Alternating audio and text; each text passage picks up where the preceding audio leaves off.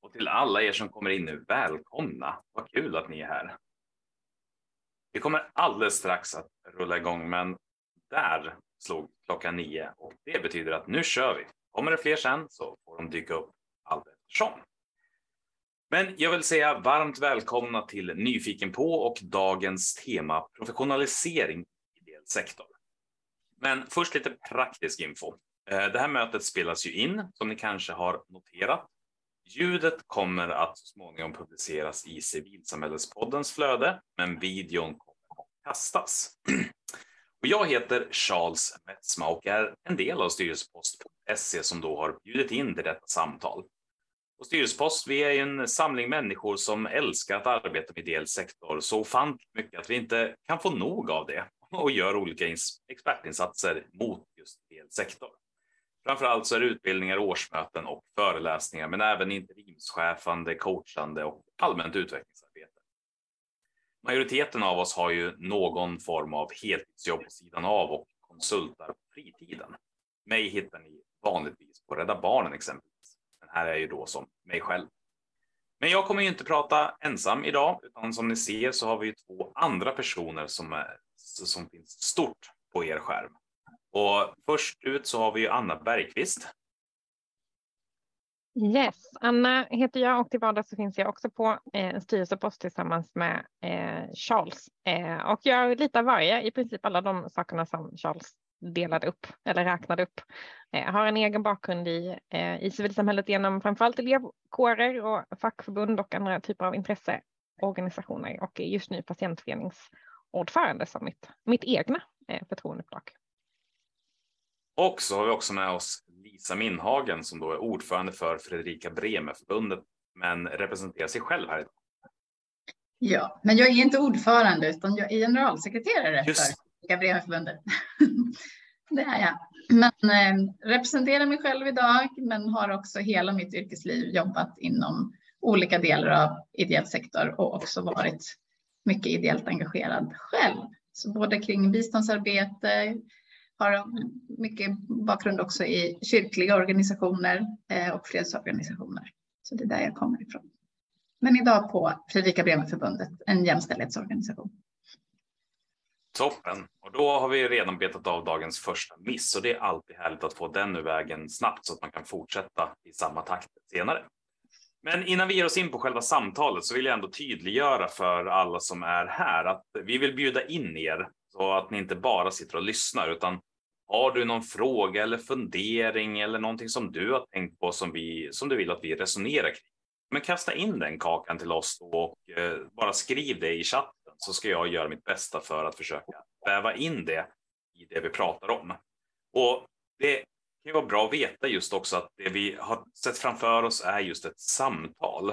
Så det är inte en förberedd föreläsning på något sätt, utan vi resonerar och tänker eh, och flyter lite grann dit vi hamnar och guppar vidare i fria associationer. Och, eh, men innan vi liksom börjar en slags böljande resa som bara tar oss dit vi hamnar så tänkte jag att vi ger oss en liten ram som vi kan flyta i. Eh, och där undrar jag helt enkelt, när vi säger professionalisering, vad menar vi eller vad betyder det för oss här just nu idag? Vill du kanske börja Lisa? Ja, alltså jag satt och funderade på det här, för professionell kan ju verkligen vara två olika saker. Det ena är att gå från amatör till professionell. Eh, att göra någonting amatörmässigt eller göra någonting professionellt. Och det är en aspekt. Och den andra eh, skulle jag då säga, som kanske det som vi kommer gå in mer på idag, är det här med att göra någonting ideellt och göra någonting man får betalt för och vad det innebär för en organisation. Vilka, vilka typer av uppdrag och tjänster behöver vi betala för? Vilka tappar lite meningen eh, om vi lägger in betalning i dem och hur påverkar det att det blir mer och mer betalda uppdrag in i våra organisationer? Så det är lite de eh, tankarna jag har där en början i alla fall. Men, men jag tror att det är viktigt. Ibland så blir det så eh, fokus på att ideellt och professionellt är någonting som står i motsättning till varandra och så är det ju absolut inte. Man kan ju göra väldigt mycket professionell verksamhet, verksamhet i ett ideellt uppdrag. Så det är just professionaliseringen och det betalda som jag är lite ute efter. Jag vill bara eh, innan Anna kommer in och berättar så vill jag bara slänga in att eh, amatör måste inte heller betyda att det är sämre. Eh, jag måste hålla den flaggan högt som en del av amatörteaterrörelsen. Exakt. Och jag som då inte har någon liksom, överhuvudtaget eh, erfarenhet från, från någon slags eh, kulturorganisation ska jag, ska jag villigt erkänna eh, akta mig för att ge mig in i den diskussionen. Så jag hugger inte på den eh, chansen att fortsätta på lite resonemang. Eh, jag tänker att vi ska också akta oss för att säga eller att, att liksom dela upp det här med, med professionellt och ideellt som i att något skulle vara men så nödvändigtvis liksom svårare eller behöva betalas för eller inte. Och där, alltså vi möter ju så himla många organisationer och i varje organisation har man sin egen logik för vad är så att säga värt att betala för. Och det kan både vara värt för att man vill ha en viss kvalitet för att man kanske inte har den typen av engagemang i, i sin organisation. Men det kan ju också vara så att man tycker att det är värt att betala för att man också på något vis kan, kan peta ut ansvaret till någon annan. Eh, man blir ju aldrig av med problemet om det är så att det inte, att det inte funkar, men man kan åtminstone säga att, eh, att det var eh, i mitt fall då mitt eh, fel att något inte blev som det skulle. Eh, så att man kan ju göra det av väldigt många olika olika anledningar, men jag delar verkligen din bild Lisa av att det inte, det handlar inte om någon slags fint och fint och fult, utan snarare vad ska vi betala för och inte. Och däremellan kan man ju kasta in arvoden som också är en, en het potatis. När, när betalar vi våra, våra ideella eh, på mm. ett sätt där vi inte anställer dem? Eh, och vad, vad gör det med vår organisation? Och där handlar det ju ofta, tycker jag, om väldigt mycket, eh, väldigt mycket arv och så som vi brukar göra. Något som är logiskt någonstans är väldigt ologiskt eh, på något annat ställe. Mm. Den, får jag bara eh, kommentera på det här med vad som är värt någonting. Jag tycker också det är en, det är en utmaning. Men vi, där jag jobbar idag är en liten organisation. Vi är två personer anställda, har ungefär tusen medlemmar. Eh, och när jag ska se vad som skulle vara värt att göra någonting, där är det ju också hela tiden utifrån de resurser man har. Eh, och, och där kan jag tycka en av de mest intressanta utmaningarna det är just med kultursfären när man som ideell organisation vill ha någon form av kulturevenemang och man försöker få den här liksom, ja, men, ideellt för saken. Ja, men hur värderas det här mot kulturen och kulturen som måste jobba för att ta betalt för sina evenemang och så vidare. Så det är ju också man, man kan ju fortfarande se värdet men inte ha resurserna. Eh, och det är ytterligare en aspekt in i det. Ja, och sen eh, utöver det som ni alla har sagt så tänker jag att det finns ju också eh, flera dimensioner av hur det betalas. Dels då att man anställer eller arvoderar, men vi har ju också typ anlita en byrå för att sköta ekonomin. Och sen så har vi att plocka in sådana här konsulter som, som jag själv var när för att göra vissa insatser på något sätt. Så att det finns ju också en, en ganska bred bild av hur man kan betala för att få något genomfört. Och även i viss mån skulle jag säga att det har ju också alltid funnits olika sätt att betala även den ideella, även om det inte sker med pengar. Antingen eh, att man har som princip att nej, det kostar ingenting annat än tid att engagera sig eller alla som varit med och gjort det här får gå på den här middagen. Det finns ju ändå flera olika nivåer av värdeutbyte, eller vad man ska kalla det. Men eh, vad, om vi börjar med att rikta in oss lite grann på det här med anställda då. Eh, vad har vi sett? Det har ju varit en, en långtgående trend att vi blir fler anställda och fler betalda på olika sätt i civilsamhället. Vad är det vi har liksom sett för styrkor som har kommit med det och vad finns det något vi har tappat på vägen eller håller på att tappa? Alltså en sak som jag kan tänka det är ju just den här eh, tryggheten och kontinuiteten. Det, det, ser väl också lite olika ut i olika organisationer, men, men att driva en verksamhet där högsta ledning kan bytas och delvis gör, byts ut varje år. Eh, det är klart att det skapar svårt att jobba långsiktigt och jobba strategiskt i. Eh, särskilt om, om man är en, eh, återigen, om man är en, en, liten organisation som inte har de här fantastiska styrdokumenten och strategimöjligheterna utan så. Så att jag tänker att kunna ha en anställd eh, det, det, är en av liksom de viktigaste sakerna. Och sen också att vi har ett samhälle som blir allt mer professionaliserat som utgår från att du ska ha en person som Eh, kan ha kontakter med, vi satt och pratade lite här innan om det här med att hålla kontakter med bara en sån sak som bank.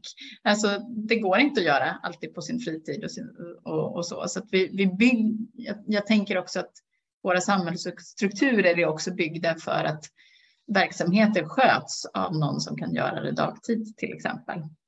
Eh, jag tänker också att vi skapar eh, en på ett sätt att det också, om, vi bara är inne på de positiva sakerna, att det också kan bidra till att fler kan, eh, flera olika typer av eh, personer kan eh, eh, vara med i en organisation om det finns en person som är på plats hela tiden, att man öppnar upp. Det är inte bara de som faktiskt kan ge jättemycket tid som kan gå in i uppdrag i en organisation, utan bli jäm, mer jämlik på det sättet. Det är bara några enkla grejer, men fyll på. Jag tänker att det också, det skapar ju en, en i bästa fall en kontinuitet, men i, i andra änden av kontinuitet finns det ju alltid en en lite, så här, lite för stabil vardag. Eh, om man också börjar närma sig eh, ett uppdrag som snarare kanske är styrelsens uppdrag och där möter jag ju jättemånga både frustrerade förbundsordförande som, som inte får eh, vad de kallar ibland ordning på sitt kansli eh, eller där man på något vis inte, eh, inte hittar ett bra sätt att liksom takta och ett bra sätt att formulera uppdrag och där man ibland är liksom ängslig helt i onödan för tjänstemännen vill inte springa iväg med organisationen någonstans. Men, men känslan hos de förtroendemannaleden är ändå att det kanske eh, skulle kunna hända Eh, och, och då blir det lite, eh, lite rörigt. Men jag tänker att det, det är ju en otrolig tillgång om man bara får, och det är inte så bara, men om man bara får rollfördelningen att funka. Eh, och det handlar ju för mig som har rekryterat väldigt många eh, i mitt liv som, som HR eh, i den här sektorn så eh, handlar det väldigt mycket om både såklart rollbeskrivningar och styrdokument men också extremt mycket om personer. Eh, ibland kan någon som kan ideell sektor vara dålig på att jobba i ideell sektor för att man också kanske vill ta mer ansvar än vad man ska och ibland så kan det vara bra att ha någon som faktiskt bara vill göra sitt jobb. Eh, säg att vi ska göra ett stort event. Det gör ju en massa andra eh, associationsformer också, inte bara ideella föreningar. Eh, och ibland kan det vara en styrka man inte går in med hela sin person på jobbet. Eh, för erfarenheten säger mig också att arbetsmiljön är inte helt lätt. Man vill alltid mer det är väldigt sällan man har problem eh, åt andra hållet som kanske näringslivet ibland eh, vittnar om. Men det är snarare att folk har hög kapacitet och vill ta mycket ansvar och gör det och kanske onödigt mycket eh, och att det blir en, eh, en tuff roll att ta. Mm. Ja, men det, det där tror jag också på, just den här vikten av en tydlighet vad som är en anställds uppdrag i en ideell förening och hur man relaterar till styrelse och utskott och medlemmar. Som det är A och O för att få, eh, få det att fungera. Åt båda hållen också.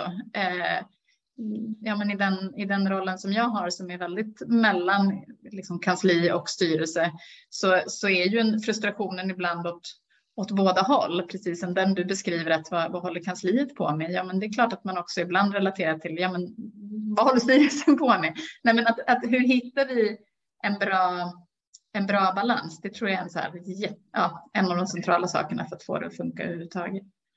Nej, men precis, och det som också kommer med den här ökade tryggheten och kontinuiteten, det är också en maktförskjutning på något sätt som också blir större och kräver mer vaksamhet ju längre tid det har gått eller ju större ett kansli är. För att har du, eh, om vi inte pratar om den generella organisationen utan pratar om den större, där du har eh, tiotalet eller hundratalet anställda, där plötsligt så har du en sån enorm eh, alla de som ägnar hela sin tid och hela sin energi åt att utveckla eller utföra de får ju ett sånt enormt övertag gentemot en medlemsrörelse som inte har samma möjligheter. Eh, mm. och hur dels hur det anställda delen förhåller sig till det här, men också hur man bjuder in eller tillgängliggör för att på något sätt i slutändan så ska det ändå vara medlemmarna som styr.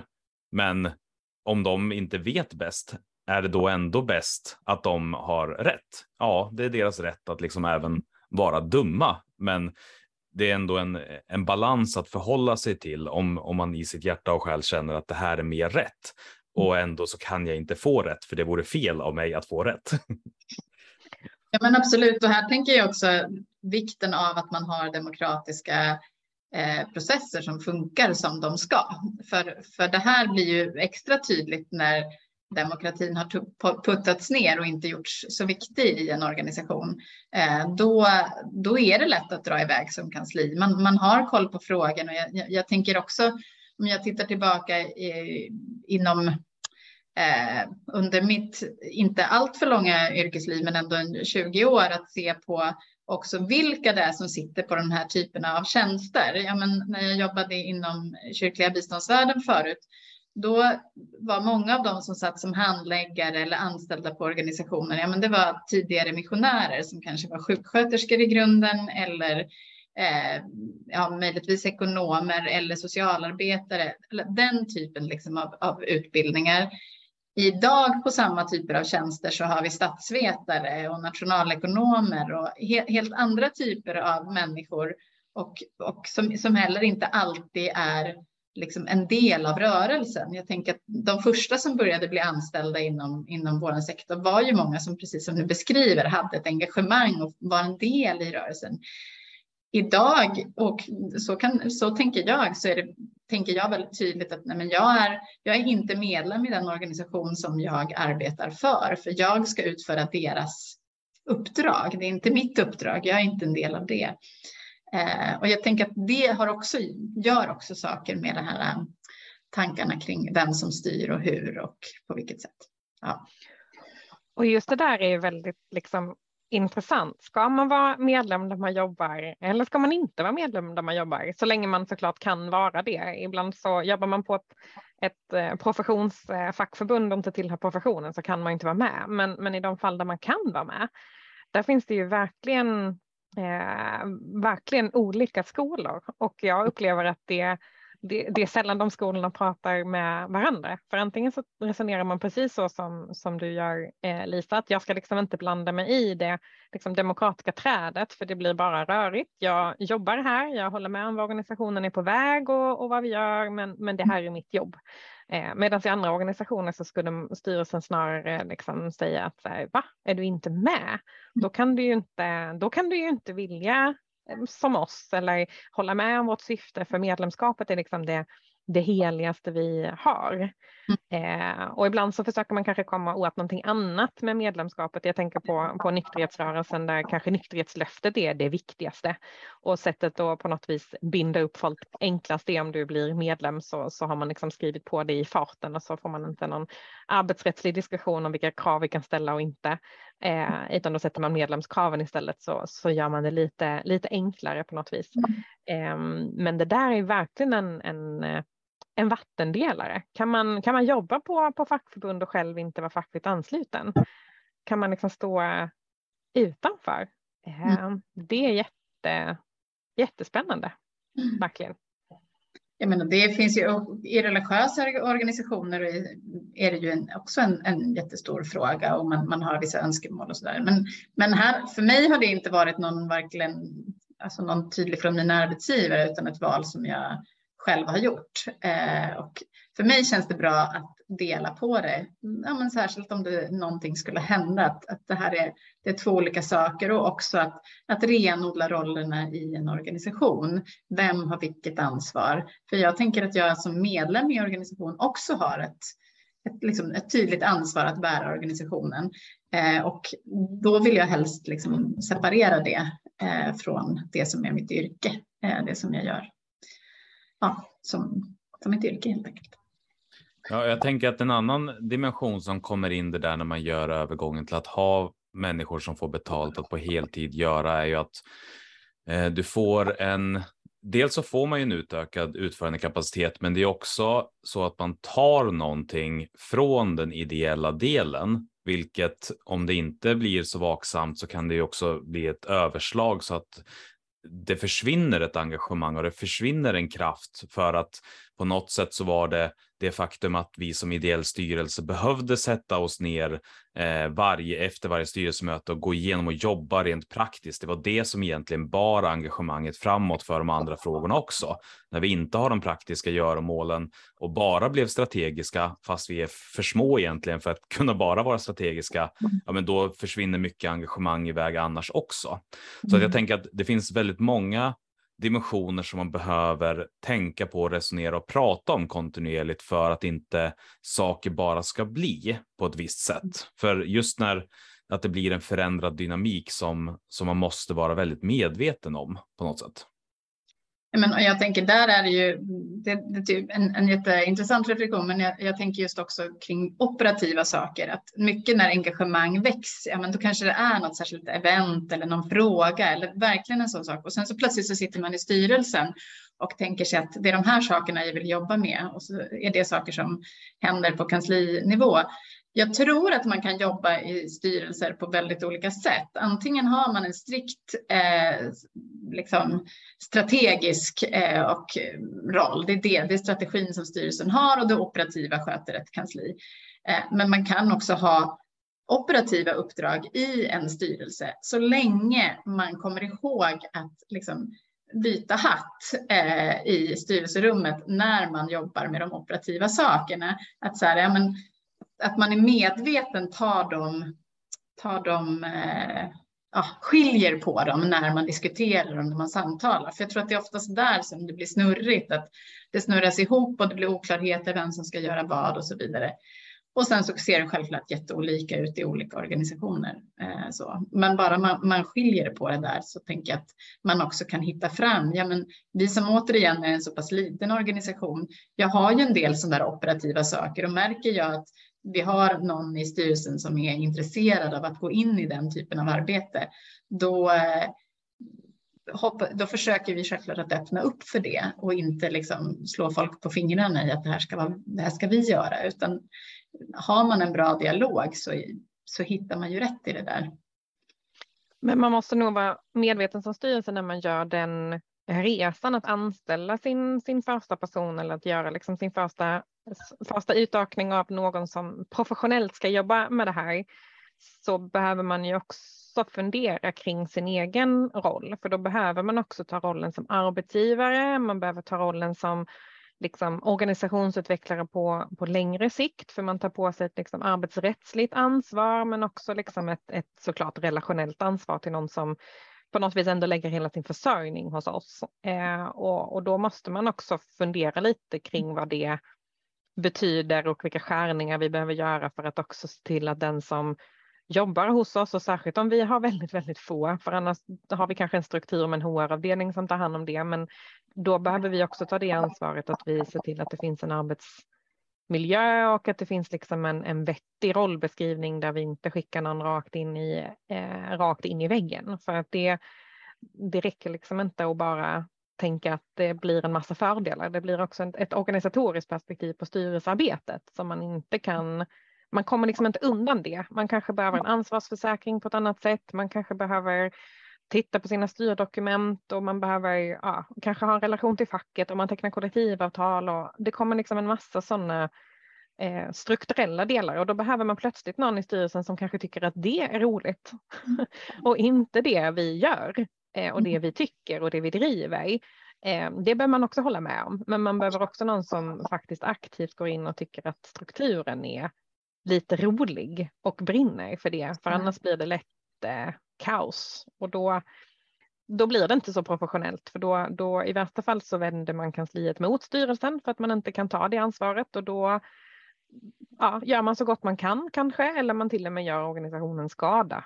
Eh, för att det är inte lätt att hantera en sån, liksom, en sån arbetsmiljö till vardags. Eh, så att det, man behöver liksom tänka, tänka till och förstärka det kapitalet i, i styrelserummet helst. Sen kan man ju alltid ta in en konsult för att göra ett ryck för att så här, nu ska vi göra den här övergången, men man måste kunna äga det sen och förvalta det. Det kan man aldrig riktigt bli bli av med som styrelse, eh, utan det måste man fortsätta äga sen.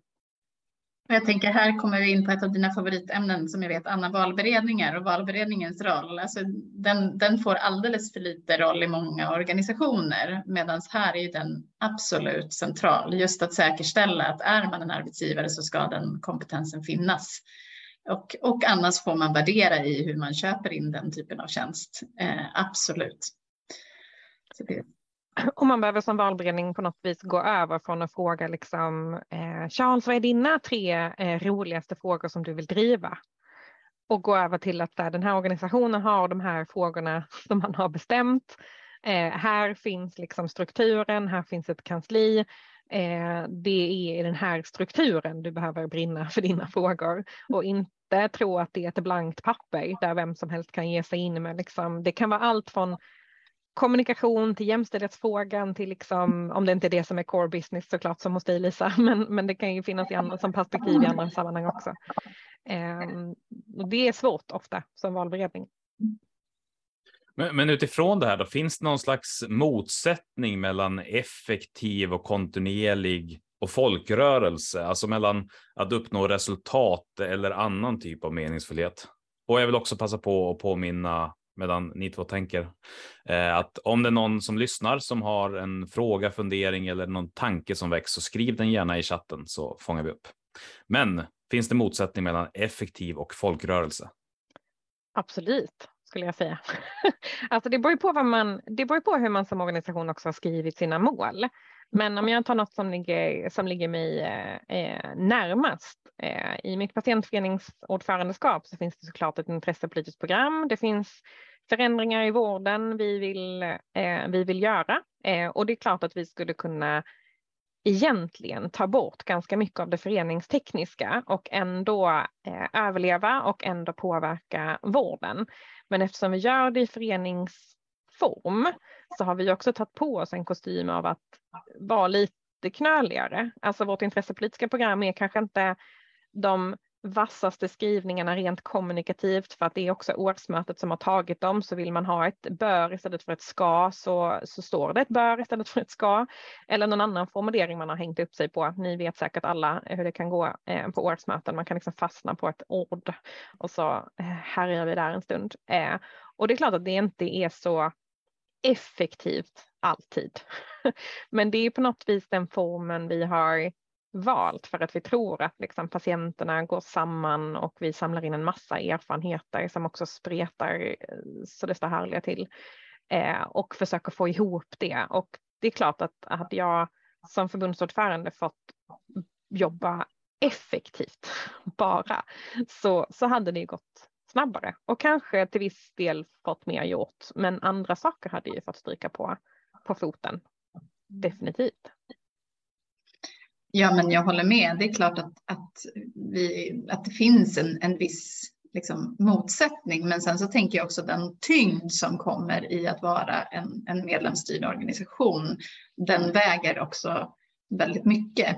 Eh, och, och, samtidigt så här, drar vi paralleller till organisationer idag eller egentligen till influencers, till exempel nu inför in i valrörelsen. Så ibland kan man känna att vi som organisationer har jättesvårt att nå fram och tänk om vi hade haft möjlighet att att möta alla partier och liksom, ja, men där har man ju nästan partiledarna knackat på dörren eh, för att få synas och höras i sammanhang och där har vi inte en chans. Men, men eh, så, så, det är klart att man effektivt både när det gäller kommunikation och även påverkansarbete eh, kan komma betydligt längre på andra sätt än att driva en medlemsstyrd organisation. Så verkligen.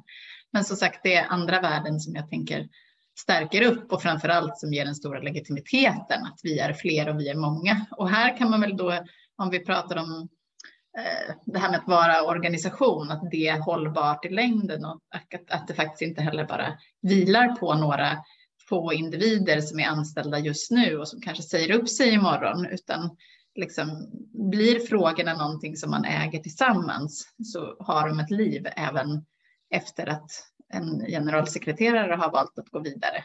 Eh, för där tror jag också att vi hamnar lätt när organisationer blir så väldigt personifierade med särskilda individer som, som, som driver frågor. Det kan ju i och för sig både vara professionella och, och ideella. Men, men eh, risken där är ju att man tappar jättemycket styrfart för att nå vidare. Eh, så så hållbarheten tror jag är längre i en, en organisation som driver frågor. Effektiviteten kanske inte alltid är den starkaste. Men där har jag också, tänker jag, flera, Eh, förlåt Charles, flera, flera sammanhang sista åren. Och jag, jag lägger liksom ingen, ingen värdering i det alls, men jag, jag är föreningsmänniska och trivs i den här formen. Så att om jag liksom ska se någon trend så är det att fler och fler så att säga, vad ska man säga, upprop och, och enfrågebubblingar, allt från liksom metoo-upprop och, och verkligen allt möjligt hamnar ju också ibland i antingen att det inte blir någonting utan att det blir en Facebookgrupp och det blir ett, ett upprop och det kan vara gott nog så. Mm. Det kan också skapa samhällsförändring och vara jätteeffektivt. Men det kan ju också vara så att det tar eh, formen av en stiftelse Eh, och det är ju fler och fler bidragsgivare som öppnar upp för att man kan vara stiftelse när man söker bidrag som förut kanske gick till ideella föreningar. Eh, och det är klart att ska vi prata effektivt så är ju stiftelse sjukt effektivt. Ganska lite människor, ganska mycket makt Eh, och, om man då skriver den själv såklart. Det finns en massa stiftelser och massa ideella föreningar som som har hand om stiftelser som är jättegamla och då är det inte lätt att bara skriva om ett syfte såklart. Men om man skapar den själv så blir det ju väldigt mycket makt åt en liten grupp och en liten grupp är ju om man vill ha mycket gjort och liksom jobba enkelt såklart mer effektiv. Men i det långa loppet är ju, ju fler vi involverar och hittar styrsystem för det, ju mer saker får vi såklart gjort. Men, men jag ser väl en liten sådär ja, kanske utifrån mitt eget perspektiv och mina egna liksom, känslor i frågan bara, eh, att så här, det är ju tråkigt om man tänker att så här, vi borde vara stiftet istället för att vi slipper att vara oeffektiva. Men det jag, det jag tänker när jag hör det ni säger är att det kanske också ligger en del i tidsandan på något sätt, att den här jakten på effektivitet gör att det finns ett en, en acceptans för att överge andra värden och för att uppnå någonting snabbare, bättre och att det hela tiden finns den här eskaleringen av att det måste bli mer, inte bara utvecklas åt rätt håll utan också utvecklas åt rätt håll intensivare på något sätt. Um, men nu pratar vi. Ja.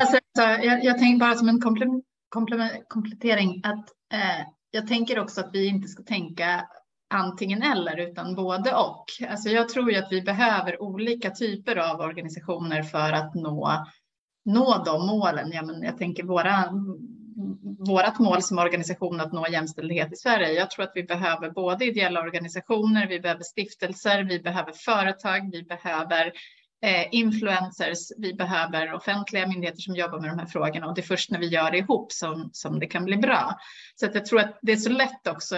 Ibland kan vi bli lite gnälliga i den här sektorn och tänka att allt, allt skulle vara bäst om vi bara är organiserade oss i en, en ideell förening. För det är det som är liksom, det bästa sättet att nå vidare. Tänk både och istället för antingen eller tror jag är en, en bra grundtanke i de här frågorna. Och för, då, för det är ändå frågorna och idéerna som är i centrum för oss. Det är där vi hämtar vårt engagemang och vårt driv och det kan göras i olika former. Det som jag tycker är intressant med att resonera och tänka kring det här med professionalisering är ju eh, det som vi också har rört oss väldigt mycket så här långt, alltså både från det strukturella, vad gör det här på samhällsnivå, men också i det lilla och det praktiska. Och en av de frågorna som vi har fått in i chatten eh, går ju verkligen in mer på den här relationen mellan anställda och förtroendevalda. Och den lyder så här. Hur tänker ni kring de anställdas rätt inom citattecken att bevaka organisationen, att organisationen följer lagar och regler gentemot exempelvis den ideella styrelsens eventuellt tveksamma beslut med lagar och regler med till exempel brandskydd, djurskydd och så vidare. Men jag tänker att där finns det ju, eh, jag tänker att där får man liksom kombinera logiker och det eh, är ju heller ingen jättehemlighet. Eh, men jag har ett förflutet inom, inom HR och jag har varit på HR på fackförbund dessutom. Jag har jobbat flera år på Sveriges Ingenjörer. Eh, så att jag tänker att när man väl tar på sig eh, så att, säga, att man har anställda, då behöver man fundera på den strukturen och såklart tillsammans med, har man en enda, då kan ju det vara en pågående dialog ordförande och anställd emellan och man behöver inte vara man behöver liksom inte dra på sig den fulla kostymen än, eh, för rent arbetsrättsligt så kommer man så att säga undan när man är liten.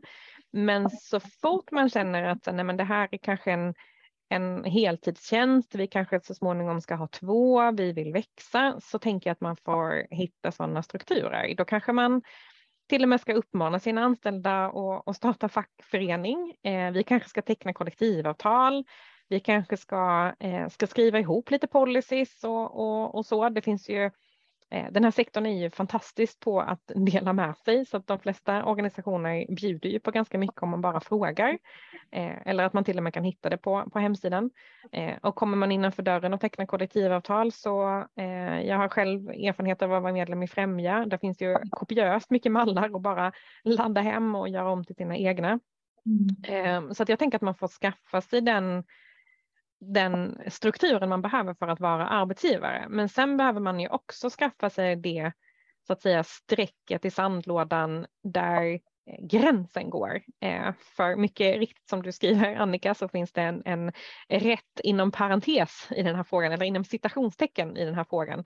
Eh, och det är precis det, att var går gränsen för när jag som anställd faktiskt inte får vara med och tycka. Alltså då pratar vi inte brandskydd såklart, utan då pratar vi kanske hur vi tolkar verksamhetsplanen eller hur vi ska prioritera i en politisk debatt eller eh, så. Om jag inte har det uppdraget såklart att jag jobbar som opinionsbildare eh, och har fullt mandat i frågan, då, då får jag ju göra det. Men, mm. men det, det strecket behöver man hitta och det är inte en policy, utan det är ett samtal och en relation eh, som kanske ibland blir en policy såklart, men, eh, men oftast tycker jag att det handlar om relationer, att vi behöver prata med varandra. Vi som har nyckelfunktioner som är eh, ideella eller som är ideella med arvode eller som är professionella i att vi jobbar i den här sektorn behöver sitta ner eh, ett par gånger om året och ha någon slags samtal kring det här mm. eh, och sprida och vända på vad blir ibland kanske mest effektivt men också vad blir mest rätt.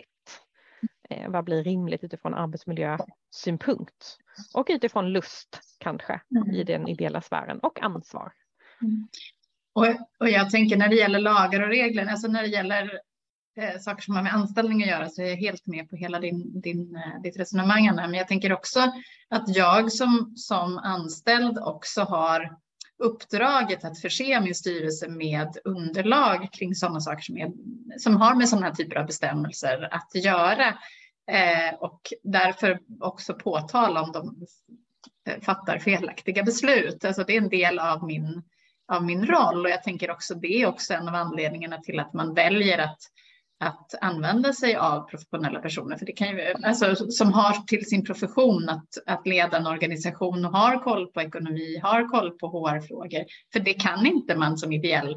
Man kan ju sitta i en, ideellt i en styrelse och en helt annan vardag och inte alls ha koll på de här frågorna. Och har man då ett kansli där de kompetenserna finns, då ska de klart att de ska presenteras in. Så att jag tycker det är en, en självklarhet. Och sen också att det finns en bra dialog mellan styrelse och kansli, absolut. Och den, den kommer inte av sig själv eh, och den tror jag man behöver tänka att man också behöver bygga strukturer kring. Eh, det här med också så här klassiskt, vi brukar slänga oss med att vi, vi har någon slags snällhetskultur där vi ska utgå från att alla bara vill varandra väl och tycker om varandra. Alltså, sånt kommer inte av sig själv. Eh, vi behöver, och vi behöver också sådana typer av funktioner som jag nu tappar bort, och whistleblower-funktioner när saker finns fel, även i små organisationer, att man vet var man kan vända sig om någonting inte känns rätt eller man ser saker i organisationen som är på väg någonstans felaktigt när det gäller skydd, brandskydd, djurskydd, vad det nu skulle kunna vara. Det tror jag är jätteviktigt. Och jag tänker att det finns två dimensioner här. Det ena är ju just det att, eh, att det ska finnas en sån relation att det är bekvämt att påtala att oj, här är vi på väg att bryta mot lagen. Det är typiskt dåligt, det borde vi kanske inte göra. Mm. Så att den liksom, relationen finns där. Men den andra är ju snarare hanteringen. Okej, okay, jag har påtalat det som anställd. Det här kommer vi bryta mot lagen mm. och det är dåligt. Men styrelsen väljer att besluta så ändå och de mm. har en beslutsmakt som är över min. Eh, och där handlar det ju eh, mer eller mindre i i rollen som anställd tänker jag att foga sig ändå och försöka göra det man kan och nå det till slut en punkt där nej men det här går bortom vad jag är moraliskt bekväm med. Då är det jag som anställd som lämnar för, för styrelsen står ändå på något sätt över. Mm. Vi har en till fråga också. Hur resonerar ni kring att arvodera för mindre engagemang, det vill säga inte anställningar, utan till exempel hålla en ungdomsgrupp eller föräldragrupp några timmar i veckan? I min organisation brottas vi mycket med det eftersom vi har verksamheter som liknar varandra, där vi har olika former för engagemanget. Vissa får arvode och andra inte. Samtidigt ingår vissa av våra ledare i grupper som inte har råd att vara ideellt engagerade på grund av att de lever i utmanande socioekonomiska omständigheter. Vad gör det med den ideella basen när man möjliggör engagemang från vissa grupper med pengar? Mm. Här, här tycker jag är jätteintressant. Speciellt när man har kommit till den nivån att det är en sån situation så som beskrivs här, det vill säga att det som upplevs som samma sak i vissa lägen får betalt och i andra lägen inte. För det är ju också så, eh, just den här biten när man börjar väva in en konkret ersättning för ett uppdrag, då, då blir det verkligen någonting annat. Och jag har djupdykt ganska mycket i motivationsforskning och där, där liksom den, det entydiga svaret egentligen är att all motivation och engagemang för att göra någonting minskar så fort du för in en summa pengar. Oavsett hur liten eller hur stor den är så minskar ändå engagemanget. För du går från en, en inre motivation, jag tycker att det här är det viktigaste någonsin, till en extern motivation, jag gör det här för att få det här. Därmed inte sagt att man inte kan få eh, och att man får jättemycket av att engagera sig. Men just när det blir det där konkreta så gör det någonting. Och jag tänker att i den här eh, situationen som beskrivs så får du ytterligare en dimension, det vill säga att det som upplevs som samma sak ibland är ersatt och ibland inte. Och det, väldigt så korta absoluta svaret från mig skulle vara att det här är ett ofog som man inte bör pyssla med. Och jag gissar att det har uppstått för att någon gång för länge sedan så gjorde någon någonting och sen så har det här organiskt växt fram. Och man borde sätta sig ner och ställa frågorna. Varför gör vi så här? Vill, vad är det vi vill uppnå och hur gör vi det på bästa sätt? Mm. Men jag tycker att det är en svår fråga att ta sig an. Alltså dels så tänker jag att organisationer har lite olika traditioner. Det här är ju extremt vanligt i idrottsrörelsen, tänker jag, alltså där man får, får ersättning för att vara eh, tränare eller assisterande tränare eller eh, hjälpa till som, som redan som, som ung och sen så, så växer man i det där. Um, och det är klart att många andra ideella föreningar också ligger liksom nära idrottsrörelsen och en, en verksamhet kan ju vara i en idrottsförening eller kan vara i en annan typ av förening för att ändå vara idrottsverksamhet. Så att ibland behöver man kanske också bara förhålla sig rent innan vi börjar prata liksom den ideologiska och motivationsforskningen så, så är vi kanske bara på så här, okej, okay, men om jag spelar fotboll på fredagar, då får jag betalt. Men spelar jag fotboll på torsdagar med en eh, KFUM-förening, då får jag inte betalt.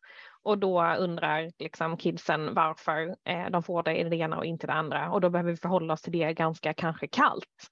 Att säga, nej, men det här är den enda det, det, är liksom en, en, verklighet vi måste, måste leva i. Så, eh, jag tycker det är svårare när man tar steget från att prata verksamhet. För pratar man till exempel studie, menar, att man är, är liksom ledare för en studiecirkel eller man till exempel då coachar ett fotbollslag, då är det ju lite mer så här tidsbundet och liksom så här, det är fredag varannan vecka eller det är liksom en specifik tid.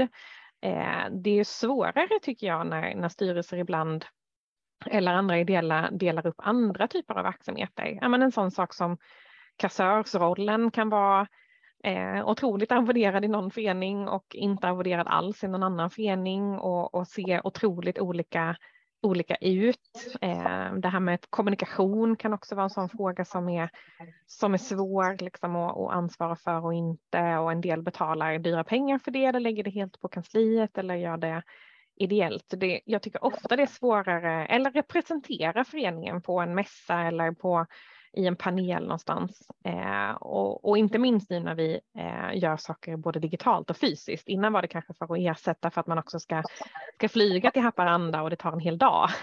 Men nu kanske det är liksom 40 minuter på, på en Zoom-länk eh, och då plötsligt hamnar vi i en annan diskussion. Men vad är mitt styrelseuppdrag och vad är mitt styrelseuppdrag inte? Och arvoderar vi någons tid eller arvoderar vi bara ansvar? Alltså jag har både varit med om organisationer som har eh, vad jag skulle definiera som heltidsarvoderade ordförande, men som jag de facto vet inte jobbar heltid, alltså lägger hela sin tid på organisationen, utan man tänker att det är bara för att bära ansvaret. Jag kan ha en annan huvudsaklig syssla, men ansvaret är ändå värt 30-40 000 i månaden. Medan andra med bra mycket lägre arvode än så eh, förväntas jobba dygnet runt. Eh, så att det där med ansvar och tid är ju alltid utöver motivation, verkligen Charles. Det är ju liksom, frågan är ju varför vi gör det här.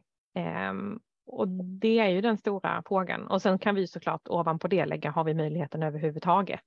Men, mm. men där kan vi ju alltid, till en viss del i alla fall, prioritera mm. eller prioritera bort. Ja, ni har sagt väldigt mycket klokt i det här. Det, det, jag tänker som, som också kommer fram i den här frågan, det är det här hur skapar det jämlika engagemanget och där hur hittar vi fram till eh, de personerna som faktiskt inte har möjlighet att engagera sig helt och fullt i ett ideellt uppdrag på kvällstid. För att man kanske måste, ja men vi har olika yrkesliv, man kanske måste släppa ett pass på jobbet. Alltså hur hittar vi i det? Eh, och det kan ju även vara så här, ja men vi vill ordna workshops på olika ställen, vi vill ha träffar. Ja men är det ibland så att vi behöver lägga in pengar i systemet för att ersätta, för att möjliggöra att vi blir en bredd i de personerna som tar del av verksamheten? Kanske, kanske inte. Um, men jag tror att vi måste, vi måste det är någonting man aldrig kommer kunna säga vad som är rätt och fel, utan man måste alltid titta på olika liksom, situationer. Sen, sen tänker jag, det var någon gång någon som sa att, att så fort du lägger in pengar i ett ideellt engagemang så blir det ett dåligt betalt jobb. Eh, för det är sällan de här arvoderingarna vi har möjlighet att göra faktiskt liksom motsvarar ett, en, en lön. Och då kommer vi in på det med, med motivation, Charles, som du var inne på. Att, vad, vad, är det som motiverar? Är det pengarna eller inte? Och sen också självklart liksom den, den fackliga dimensionen av det och arbetsrättsliga. Vad, vad vad gör att vi, vad, vad, hur blir konkurrensen om en organisation, om vi bara tittar på större organisationer, plötsligt tar in ideella som gör samma sak som de anställda, vad händer då? Hur hittar vi liksom regler och hur förhåller vi oss till det där? Eh, och också i vad för typ av krav kan vi ställa på, på människor? Alltså, min, min eh, min erfarenhet är ofta att när man ska lägga till ett litet arvode på någonting, ja men då tänker man att då är det större chans att det här blir gjort. Då kan jag ställa högre krav på en person eh, om vi, för då kan jag också ta bort det där arvodet om personen inte kommer. Eh, och att det är en, liksom, eh, och, och, och, så brukar vi jag tänka också i när jag jobbar med vilka typer av uppdrag tar vi som organisation på oss att göra som om en person blir sjuk eller plötsligt måste resa bort som har ett liksom, ideellt uppdrag så måste vi lösa det ändå på något annat sätt. Ja, men, alltså det brukar vara en tanke för mig. Ja, men då kanske det är någonting som jag behöver gå in och, och betala just för att som, säkerställa att det här är liksom en anställning, en uppdrag. Medan andra saker som är ideellt som klart ska göra, ja men då får vi skjuta på det, då får vi göra det sen. Det är någonting som organisationen tillsammans måste liksom resonera kring och också tänka på eh, och, och, också ansvara för att nej, men nu blev någon sjuk eller nu bestämde sig någon för att jag behöver jobba över så att eh, jag kan inte komma ikväll. Ja, men då blir det inte, då får den där barngruppen vara kvar där. Alltså hur, ja. Men jag tänker liksom på något sätt det viktigaste i det här är ju medvetenheten. Det var bara för två veckor sedan som jag hamnade i en intressant situation utifrån det här. Och det är, jag är ordförande i en lokal spelförening här hemma i Hallstahammar och vi hade fått nys om en bidragsgivare som delade ut pengar där det också liksom fanns eh, inbakad på något sätt och uttryckt att så, men vi ersätter löner också. Och det är ju någonting väldigt ovanligt och därför så förde jag fram till styrelsen att så här, men vi skulle kunna göra det här och så kan vi ordna spelträffar och så kan någon få betalt som ett litet extrajobb eh, och eh, för att genomföra det här. För att det liksom var en slags självklarhet eftersom att det låg i själva fonden eller i bidraget. Och sen så är det någon på mötet som frågar Ja, alltså, nu har vi jobbat jättemycket med hur ska vi lösa praktiskt att eh, liksom kunna ha någon anställd utan att bli arbetsgivare hos Skatteverket och såna här saker. Men varför ska vi betala någon? Vi har ju alltid gjort det här, alla de här grejerna ideellt. Och så börjar vi liksom då ha en diskussion kring ja, men varför skulle vi betala någon för att göra det som vi alltid har gjort ideellt? Och jag tänker att det är det som på något sätt är eh, det viktiga att bära med sig i den här att inte glömma bort att fråga varför ska vi betala? För det finns jättemånga olika svar och det finns många olika svar som är rätt och fel beroende på kontext. Men det måste finnas en medvetenhet på något sätt. Mm.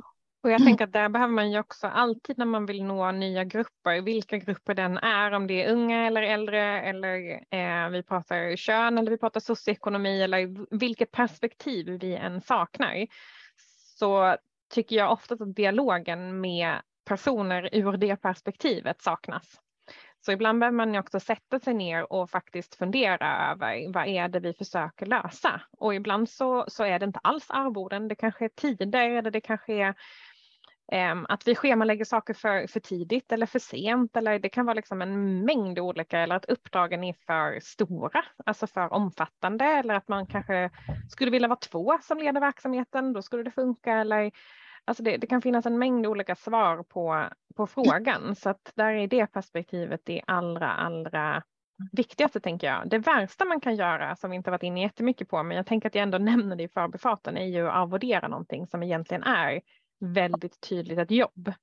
Eh, och i vissa delar av sektorn så finns ju det väldigt, väldigt mycket, alltså heltidsarvoderingar och ibland halvtidsarvoderingar och sånt som de facto är ett jobb. Och då kringgår man ju hela arbetsrätten och det blir liksom noll trygghet för individen när den sen står utan. Men man skaffar sig också en situation där man är bunden till någon som faktiskt är eh, demokratiskt vald.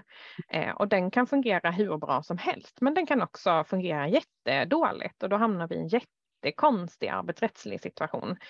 Så att jag, arvoden överhuvudtaget kräver både sin, sin logik i organisation men också sin logik i juridik och det där är inte, alltså hela ideella sektorn i dess vad ska man säga, former som är unika lever ju lite laglöst, men vi har ju en massa annan lagstiftning att förhålla oss till. Alltså skatte, skatteregler gäller oss också. Eh, hela arbetsrätten gäller oss också. Alltså vissa saker gäller även här och det måste man ha antingen lite intresse för att ta reda på eller skaffa sig någon i sitt nätverk eller betala för att någon reder ut åt en. För det kan också bli väldigt eh, väldigt knöligt och det Charles var inne på innan att man på något vis har det man skulle kalla i näringslivet som muta, alltså att man får, får mat för att göra någonting eller man får en biljett för att göra någonting. Det är inte helt enkelt det heller om man skulle ringa Skatteverket och säga att jag avser att eh, ge Lisa en biljett som är värd en tusenlapp för att hon serverar mat. Ja, då pratar vi förmånsbeskattning och vi pratar liksom Ja, det, det är inte helt lätt. Men såklart. Men det har ju hela sektorn blundat för i hundra år. Exakt, det liksom låtsas väl lite som att det inte finns. Men, men eh, ja, det, ju mer man liksom börjar fundera på sånt här, ju om man sätter nya regler, då får man ju verkligen tänka sig för. Om man har gjort det i 50 år så kan man ju tänka sig att man kör den varianten och stoppar eh, huvudet i sanden en stund till. Men om man just funderar på hur ska vi kitta vår organisation, då bör man göra det utifrån att eh, Skatteverket också sitter på axeln och eh, sneglar lite på formerna vi väljer.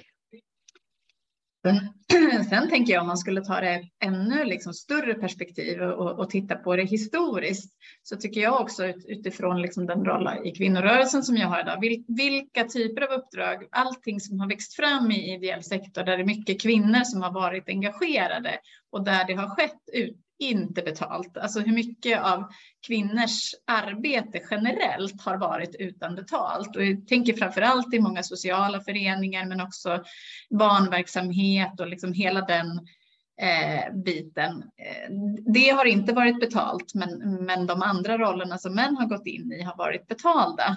eh, i, om, om, man ser det liksom generellt.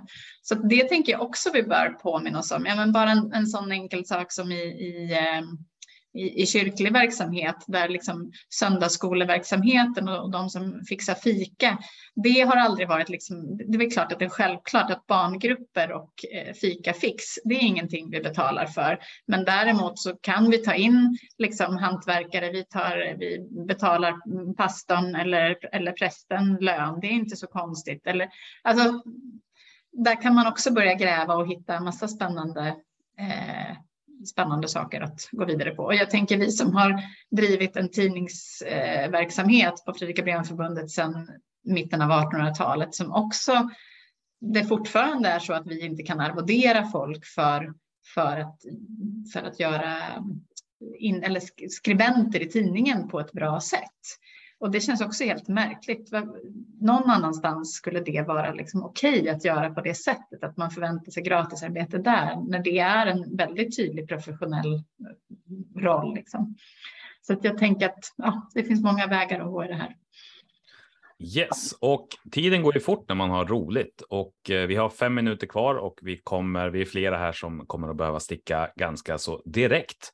Så vi har två stycken frågor kvar. Jag tänker att vi kör något slags kort resonemang kring det och sen avslutar vi. Så eh, lite snabbt bara kring hur tänker ni kring professionaliseringen av fackligt förtroendevalda? Där flera förtroendevalda menar att det är bättre att vara heltid facklig och få betalt av arbetsgivaren för att på heltid vara förtroendevald. Av arbetsmiljöskäl så vill de jobba heltid, men beslutet från kongressen är att vi ska sträva mot att alltid arbeta i sitt yrke samtidigt som man är förtroendevald.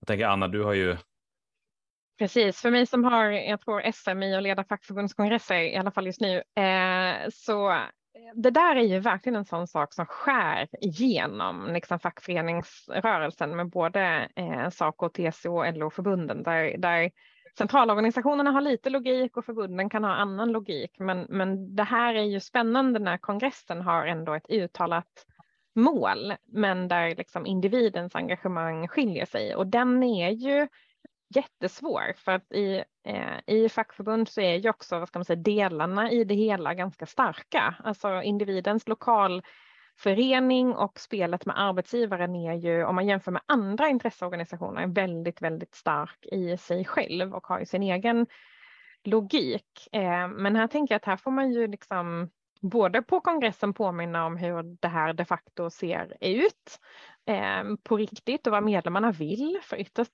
så är det ändå medlemmarnas engagemang som behövs.